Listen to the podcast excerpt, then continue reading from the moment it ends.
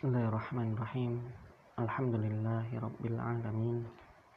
Wassalatu wassalamu ala ashrafil anbiya wal mursalin Wa ala alihi wa ashabihi ajma'in. Faqala Allah subhanahu wa ta'ala fi kitabihil karim. A'udhu billahi minasyaitanir rajim. Laisal birra an tuwallu wujuhakum kibalal masyriqi wal maghrib walakinnal birra man amana billahi wal yawmil akhir wal malaikati wal kitabi wan nabiyyin wa atal mala ala hubbihi dawil qurba wal yatama wal masakin wa ibnas sabil wasailina wa fir riqab wa aqama salata wa ataz zakah wal mufuna bi ahdihim idza ahadu wasabirina fil ba'sa'i wad dharra'i wa hinal ba's ulaika alladzina sadaqu wa ulaika humul muttaqun.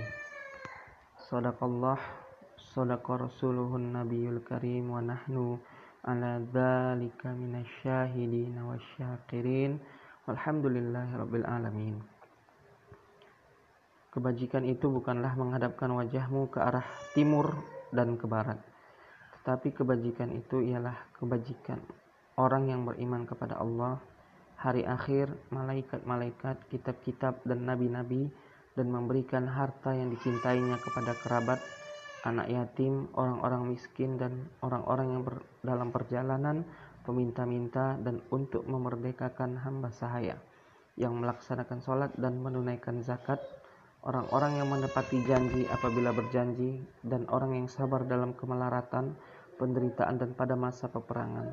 Mereka itulah orang-orang yang benar, dan mereka itulah orang-orang yang bertakwa. Ramadan telah lewat dan salah satu yang merupakan dari ibadah puasa ialah menjadikan kita sebagai orang yang bertakwa. Dalam ayat 177 surah Al-Baqarah adalah salah satu ayat yang menggambarkan bagaimana orang yang bertakwa, sifat-sifat orang yang bertakwa.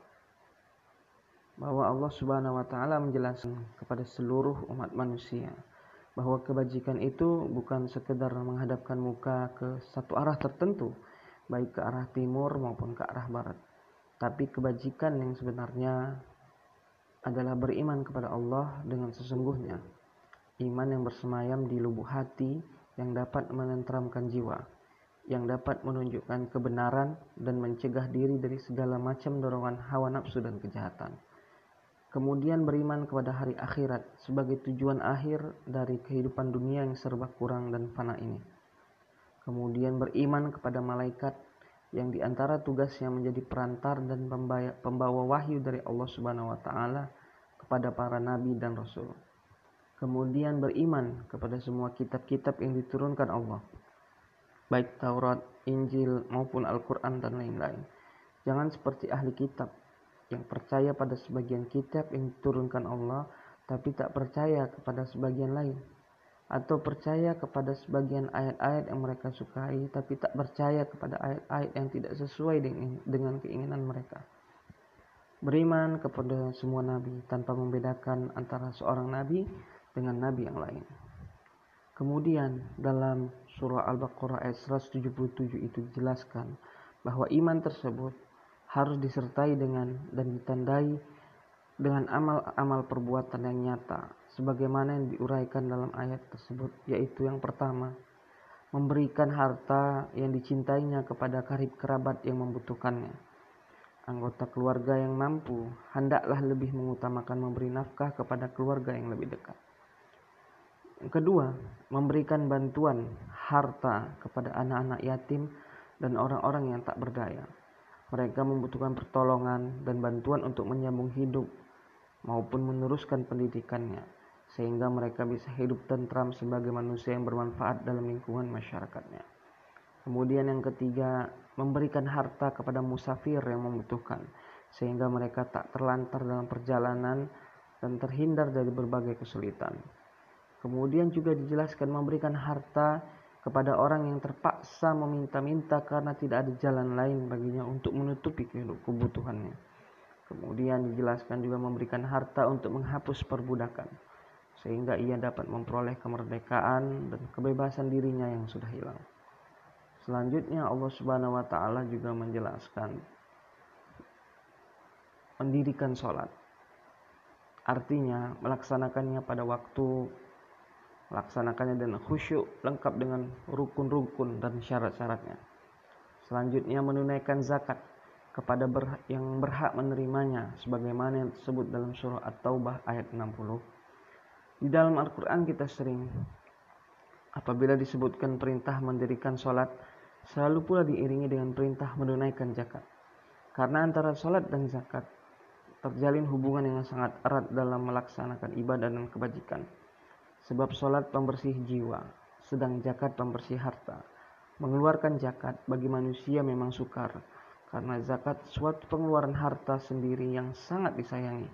Oleh karena itu, apabila ada perintah sholat, selalu diiringi dengan perintah zakat. Karena kebajikan itu tak cukup dengan jiwa saja, tapi harus pula disertai dengan harta.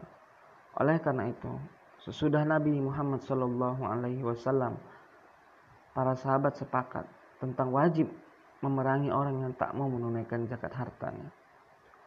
Kemudian dijelaskan juga salah satu sifat selanjutnya yaitu menepati janji bagi mereka yang telah mengadakan perjanjian.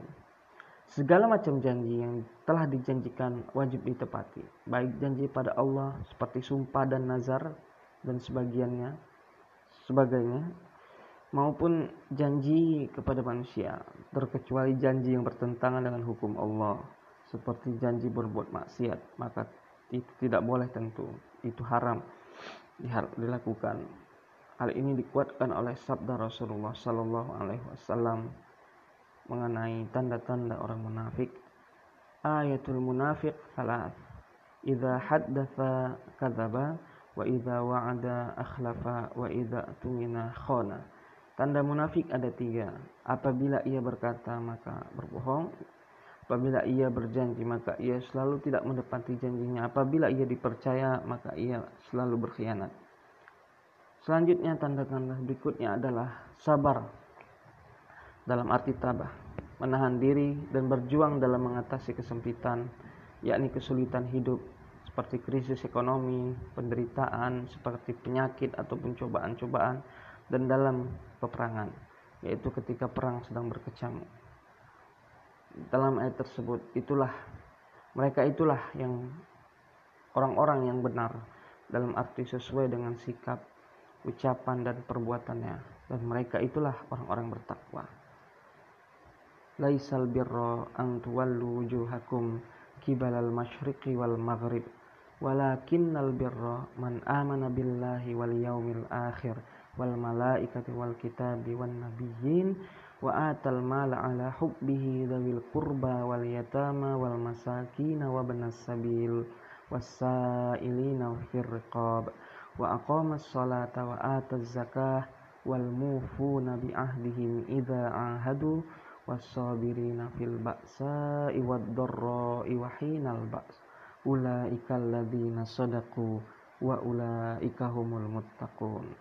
Semoga Allah Subhanahu wa taala memberikan kita sifat-sifat demikian dan semoga Allah Subhanahu wa taala mencatatkan kita sebagai orang-orang yang benar yaitu orang-orang yang bertakwa kepada Allah Subhanahu wa taala.